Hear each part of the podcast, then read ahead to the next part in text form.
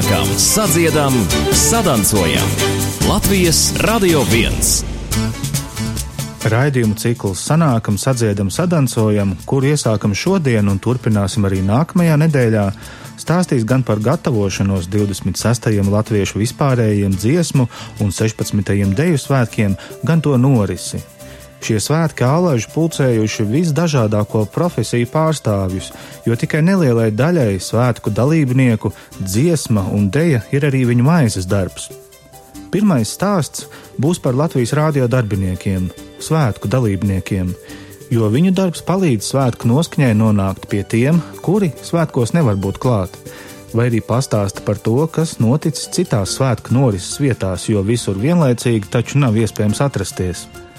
Katram no viņiem ir savs pieredzes nogrieznis, sava izpratne par dziesmas un dēļas nozīmīgumu, bet visus kopā vieno bez kompromisa nodošanās mēģinājumiem, koncertiem un zibakcijām, ierasto darbu ikdienu noslogojot ar papildus pienākumiem un atbildību. Savus kolēģus jaunā gaismā ieraudzījušais Toms Streibergs, savukārt raidījumu tapšanu atbalsta Latvijas Nacionālais kultūras centrs.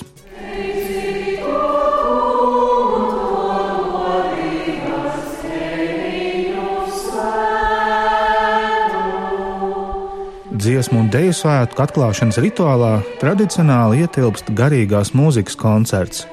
Šī gada koncerta vadmotīvs ir Es esmu, kas atrodams vecajā un jaunajā derībā un ir fundamentāls dieva atklāsmes elements svētajos rakstos.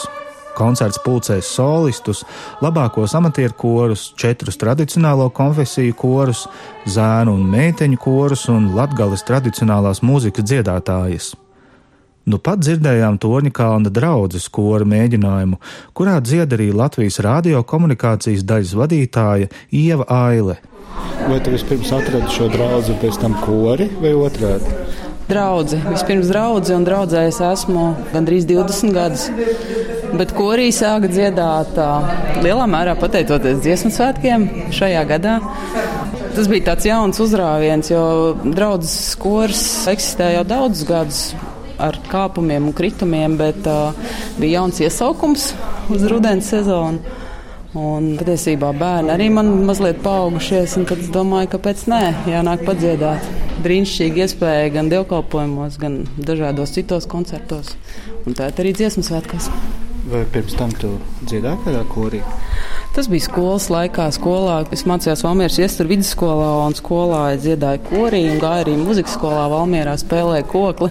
Tā kā kāda saistība ar mūziku ir un saistība ar dziesmu svētkiem ar mani ir bijusi, jo es esmu bijusi vienos lielajos dziesmu svētkos ar koklētāju ansambli un vienos skolēnu dziesmu svētkos ar kori. Pastāstiet lūdzu par repertuāru, kas jums šobrīd ir dienas kārtībā, vai ir arī kaut kādi izaicinājumi un vienkārši sakot, grūtie gabali. Ir mums kā draudzes korim, viss ir dubultā. Jo mēs bez tā, ka mēs dziedam meža parkā lielajā noslēguma koncertā, dziedāsim arī garīgās mūzikas koncertā, kas ir 1. jūlijā Doma baznīcā. Līdz ar to repertuārs mums ir reiz divi, jo mums ir garīgais repertuārs jāapgūst. Nenoliedzami šeit ir izaicinājumi un arī grūtie gabali, bet uh, Nu, jāsaka, es domāju, ka viss būs līdzsvarā un balansā, jo nāk tālāk arī profesionālie kori, ne tikai amatieri no draudzēm, un viss būs skaisti un tiešām bagātīgi un ļoti interesanti. Vai ir kāda īpaša dziesma, kura ievēja liek sajust skudriņus uz muguras? Tā mana sajūta par dziesmu un dziesmu tādā lielā, daudzbalsīgā korī ir tāda, ka skudriņas var skriet jebkurā brīdī pie jebkuras dziesmas. Jo, piemēram, 21. jūnijā gadsimta garākās līgodziesmas projekta noslēgumā, kad bija zibakcija Doma laukumā, un visi zibakcijas kopā sanākušie apmēram 300 cilvēki dziedāja vienkārši Jāņa dziesmas. Tā sajūta un tā vibrācija gaisā bija tāda, nu, ka tur ne tikai skudriņas, bet tur arī asars gāja pa gaisu. Un līdzīgi ir dziesmu svētkos, man vienmēr pie sevis ir jāpiedomā, kā, kā nesākt raudāt, bet turpināt dziedāt, lai pilnībā tos svētkus izbaudītu. Bet nu, tās ir ļoti daudz dziesmas, sākot no gaismas pilsētas. Beidzot, ar mums ir garīgās mūzikas repertuārā brīnišķīga dziesmā Aglons Dievmātē, kur arī nu, tāds skanējums un tik izjust tas viss ir, kad jā, tas kudriņas skrien. Es lasīju tādu joku, kurš skan sekojoši. Sēdēju, domāju, attapos, vai man tagad ir brīvs laiks, vai es esmu aizmirsis, ka man kaut kas ir jādara. Kā tev ir ar to sajūtu? Ņemot vērā vēl šo papildus tavu dienas daļu, kas ir jāvelta vēl bez ģimenes un darba, mm. un arī mēģinājumiem un pašiem svētkiem. Man liekas, dziedāšana ir tāda sava veida meditācija, kur vienkārši tā ir tāda ļoti vajadzīga šī brīža dzīves pozīcija lai vienkārši atslēgtos no tā nenormāli intensīvā darba režīma, arī mājas, bet vienkārši būtu dziesmā iekšā, sākot ar savu elpošanas sistēmu, beidzot ar kaut kādu skaņu sajūtu un tiešām pārslēgtos no vienas lietas uz otru un, nu, varbūt iekšēji kaut kā sakārtotos un līdz ar to ļoti skaidra prāta apzinoties, ka tādas mirkļus dzīvē vajag, lai tu apstātos, darītu kaut ko citu, pārslēgtos un um, varbūt iekšēji atjaunotos, nu tad, protams, mērķtiecīgi tam laiku atrodi. Jo, principā, kas ir ne trīs stundas nedēļā koru mēģinājumam, labi dziesmu sēkos tas ir mazliet intensīvāk vai krietni intensīvāk jau pēdējā noslēguma posmā, bet nu, tomēr tas ir laiks sev un nu, mums ir jārūpējās par visām dzīves jomām, ne tikai par darbu, ģimeni, bet arī sevi.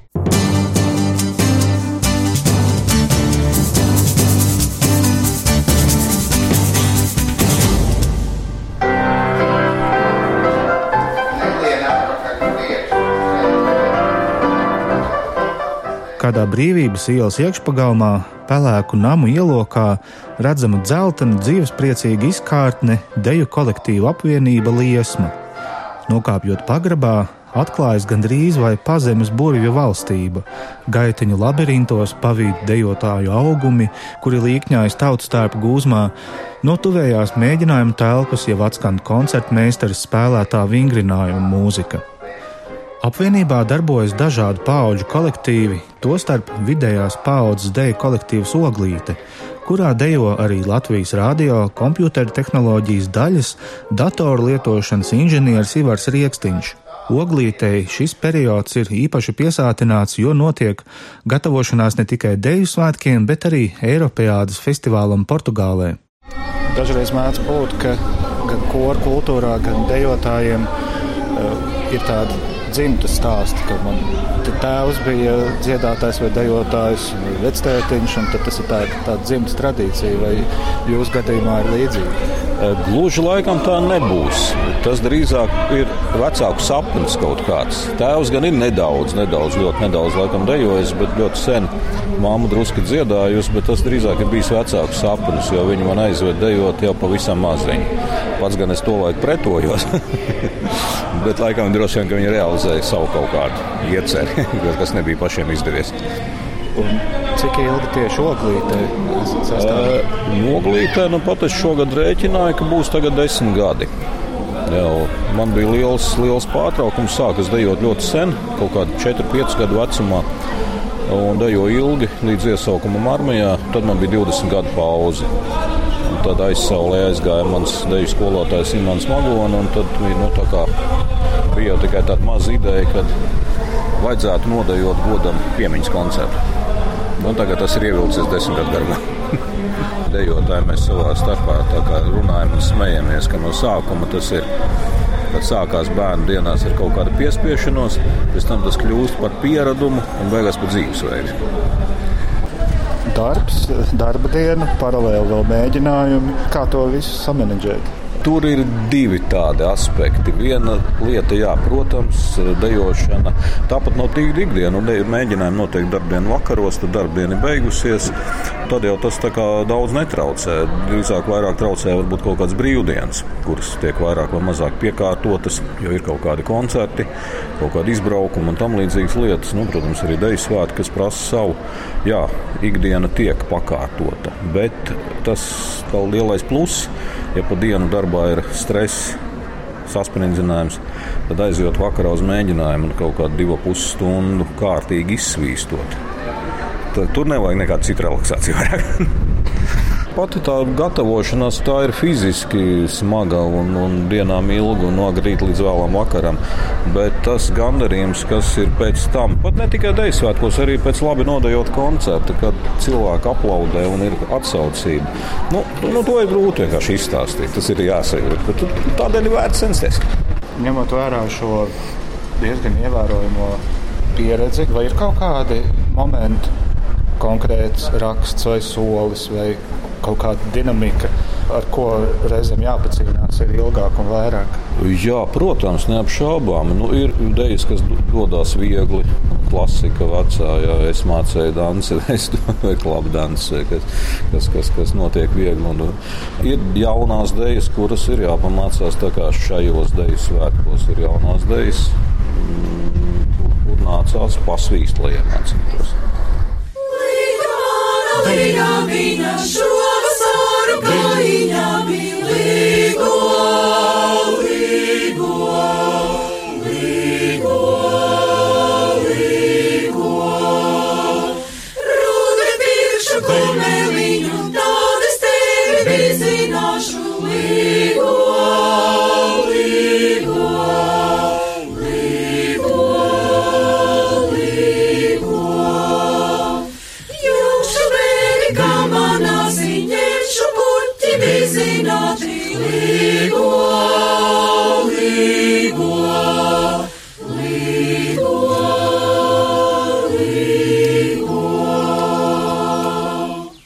Katrs, kurš ir bijis uz upes un dziedājis, zinās, ko nozīmē tā īpašā skaņa un sajūta.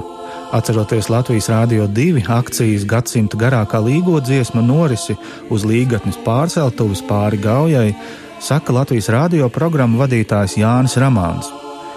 Viņš kopā ar kolēģi Māru Rozenbergu darbosies Latvijas Rādio dziesmu un deju svētku studijā, kur atradīsies laukumā pie brīvības pieminekļa bet līdz tekus tam būs arī svētku dalībnieks Līgatnes novada kora sastāvā.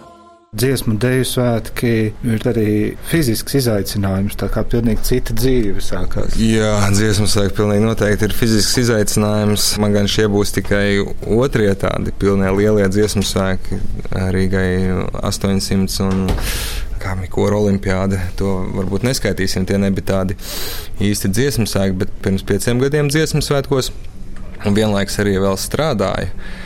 Radio vadīja labrītus, pēc tam pēc labrītiem uz mēģinājumiem, tad visu dienu meža parkā, saule, lietus, kā tas ir parasti. Tad vēl vakarā varbūt aizskriet mazliet pie kora un ar viņiem pabūt kopā savu kolektīvu un tad atpakaļ uz darbu. Bet bija tā vērts. Jā, es atceros uz to noslēguma koncertu, ierados pārguris, noguris un domāju, kāpēc man to visu vispār vajag. Pēc noslēguma koncerta es noteikti apsēdīšos un padomāšu, vai man vajag dziedāt korī, vai tas ir tā vērts, ņemot vērā visu to lielo skriešanu. Bet tad, kad gaismas pils pēdējie akordi un saule pērkons Daugau bija nodziedāti, un, un, un tad jau man bija pilnīgi skaidrs uz simtgadus dziesmu svēkiem, lai vai kas, lai kas arī būtu jādara, es noteikti būšu un dziedāšu, jo tās emocijas ir neaprakstāmas. Skatītāji rindās nekad nav bijis tāds saviņojums tur augšā izstrādē, esot pašam piedaloties, dziedot.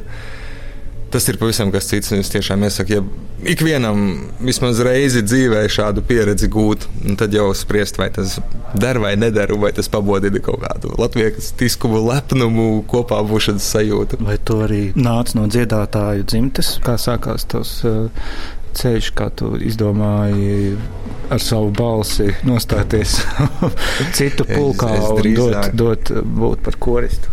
Es drīzāk esmu no žurnālistu dzimtes, šķiet tikai.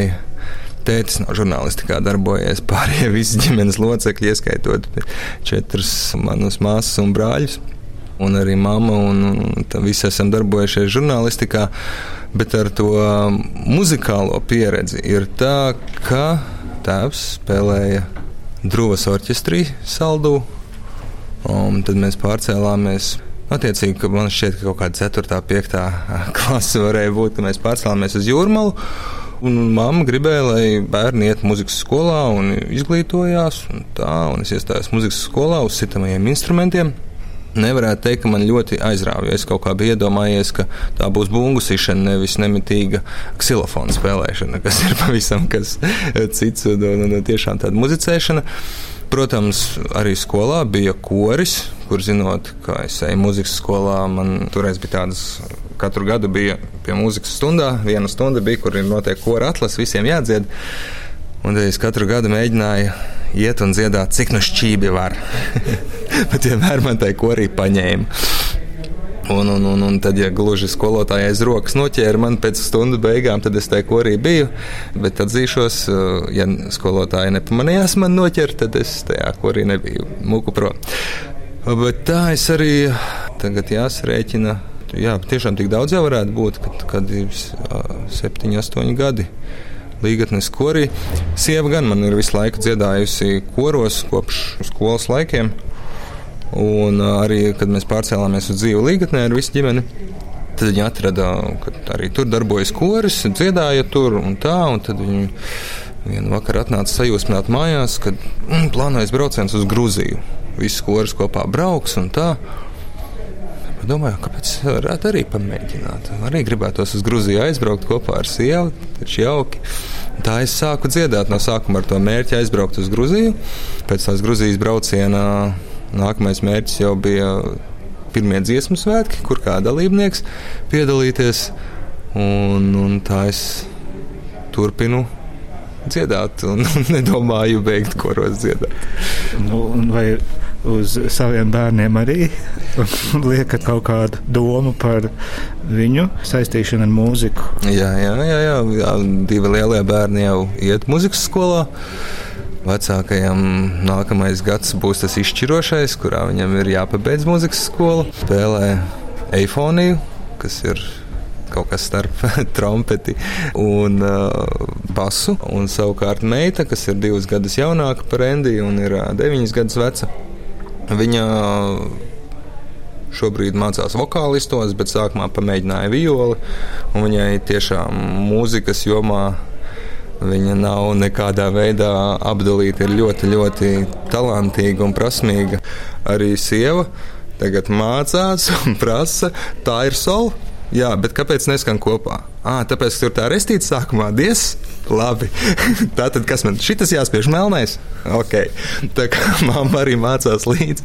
Jā, būtībā mēs esam šobrīd visa ģimenīte kaut kādā veidā ar mūziku saistīti. Protams, paši mazākie vēl nē, bet es skatos, ka arī divgadīgā kā izdzird kādu melodiju, un viņam viņa dziesma iepatīkās. Viņš staigā apkārt pa māju un, protams, dzied līdzi un, un gana precīzi un pareizi.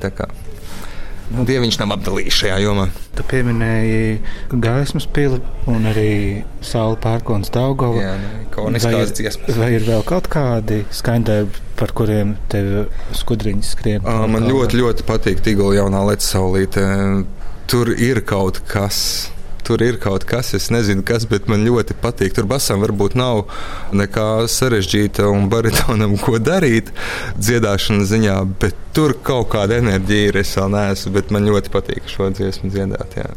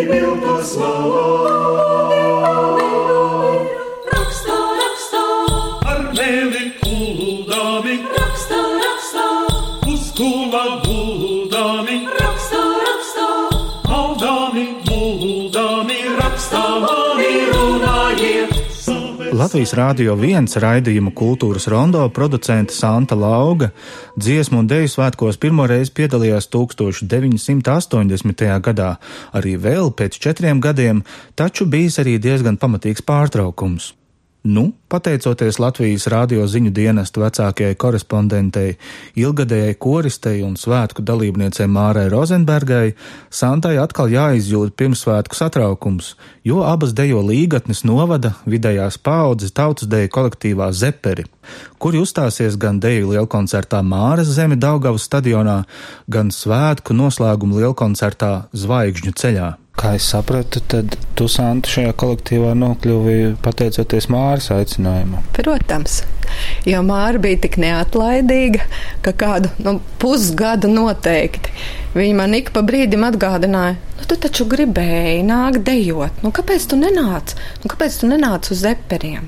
Un tad vēl man bija tāds sapnis, vai patiesībā es to biju tā izlēmusi, ka simtgades gadā es iešu dziesmu svētku gājienā. Un tieši man tas gājiens, tā sajūta, man gribējās iziet cauri tautas tērpā Rīgai. Un tā pienāca rudens, un es mārai teicu, jā, es varu pamēģināt. Jo nu, tur jau bija pārāvums, protams, ir vairāki gadu desmiti nu, pārāvums, kad es pēdējo reizi kāpu uz skatuves, un tagad ir tā ka es aizbraucu uz uh, mēģinājumu pilna ar informāciju, kas man ir no rādio. Es zinu, man ir precīzi jāsāk dejot, man ir precīzi jāmēģina saprast, kas ir tajā dejā, un tad ir vadītāja, jā, kura tā kā diriģents man palīdz saprast. Un vēl, protams, arī pārējie dejotāji, jo ļoti daudzas dejas jau zeperi bija iedejojuši, un man tas atkal ir pilnīgi jauns. Un vēl man patika tas, ka es tur esmu vienkārši santa. Es saprotu, man nav nekāda atbildība. Mana atbildība ir tāda, notur taisnu muguru, esi stauta un mēģini to deju saprast. Nevis tikai precīzi nu, izdejot tos soļus, bet tās dēļas saturs man šķiet, ka ar to zeperi arī ir, ir spilgti, ka viņi mēģina tai dejai to saturu atrast, parādīt, izstāstīt nu, kaut vai pādīti, kas ir it kā tik vienkārša. Bet tā, kad tu ieej tai idejā un mēģini to rituālu izdejot, tad pašam arī ir tāda forša sajūta. Ar to saturu man vismaz kā koristei ilgadējai sākumā šķita, ka ir problēmas, jo deju kolektīvos vispār kā tādos daudz lielāks uzsvers ir uz vizualitāti. Lai būtu pirkstgals nostiepts, lai būtu taisna līnija, lai visi būtu nolīdzinājušies ar taisnām mugurām, lai nevienam mati nenāktu ārā no aubas, un šīs vizuālās lietas man sākumā šķita ļoti pārspīlēts. Tagad, kad es dejoju jau trešo gadu, es saprotu, ka tā vienkārši ir skatuves kultūras neatņemama sastāvdaļa tautas skatuves dejā. Bet es jūtu, ka tiešām, jā, zeperiem iespējams, ka ar to mēs tiešām atšķiramies no daudziem citiem kolektīviem, ka mēs visi vadītājas vadībā cenšamies piedomāt arī par saturu. Bieži vien, piemēram, interesants stāsts man bija pašu pirmo deju, kur es dejoju, tad, kad es atnācu tikko uz zepriem. Valta Pūts, Ines Zanders, Ikrudeni valodiņa. Es šo dziesmu biju neskaitāms reizes dziedājusi korī, dziesmu svētkos, Ines Zanders vārdi. Ikrudeni miltos mala valodiņa nenomira par to, kā valoda ir spējusi izdzīvot cauri grūtiem laikiem, cauri gadsimtiem. Un eh, mēs to dejojam kā tādu ornamentālu deju, kur ir līnijas, apļi, palēcieni, un tojās pirmā skate, un kāds pajautāja, bet kādu tur sejas izteiksmi vajag tajā dejā? Un vadītājs sāk domāt, hmm, jā, bet taču ieklausieties vārdos, un tad jūs sapratīsiet, un mēs apsēdāmies uz podestiem. Un viņa pirmo reizi mums atskaņoja šo dziesmu bez dejošanas. Jo tad, kad tu dejo, tu ļoti bieži neieklausies vārdos. Un mēs visi klausījāmies, un pēkšņi cilvēki sadzirdēja, par ko ir deja. Nākamajā reizē, kad mēs dejojām paši deju, kustības bija daudz maigākas, daudz apdomātākas un bija daudz mazāk tādas enerģiskas agresijas šajā dejā. Tā kā tas ir ļoti interesanti, kā saturs izmaina dēļas formu arī bieži vien. Tas nozīmē, ka tā dēļa joprojām ir dzīva, ka viņā ir iekšā tas spēks. Un tas ir tas foršākais. Jā, tā vilkme, tā, kas nāk līdz ar to, ka tu esi uz skatuves, ka tu dejo. Vēl tikai mazāk par nedēļu atlicis, lai mūsu galvaspilsēta tiktu apgriezta kājām gaisā, šoreiz vispozitīvākajā ziņā. Tad arī varēsim pārliecināties par dziesmas un dejas dzīvību un spēku, ja ne klātienē, tad klausoties radio. Izskanēja raidījums Sanākam, sadziedam, sadancojam, kurš tapis sadarbībā ar Latvijas Nacionālo kultūras centru. Redaktors Toms Trēbergs, skaņu operators Valdis Raitums.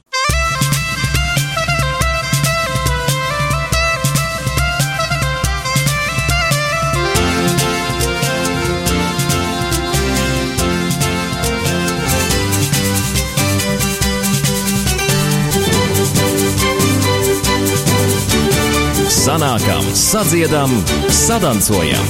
Latvijas Radio 1.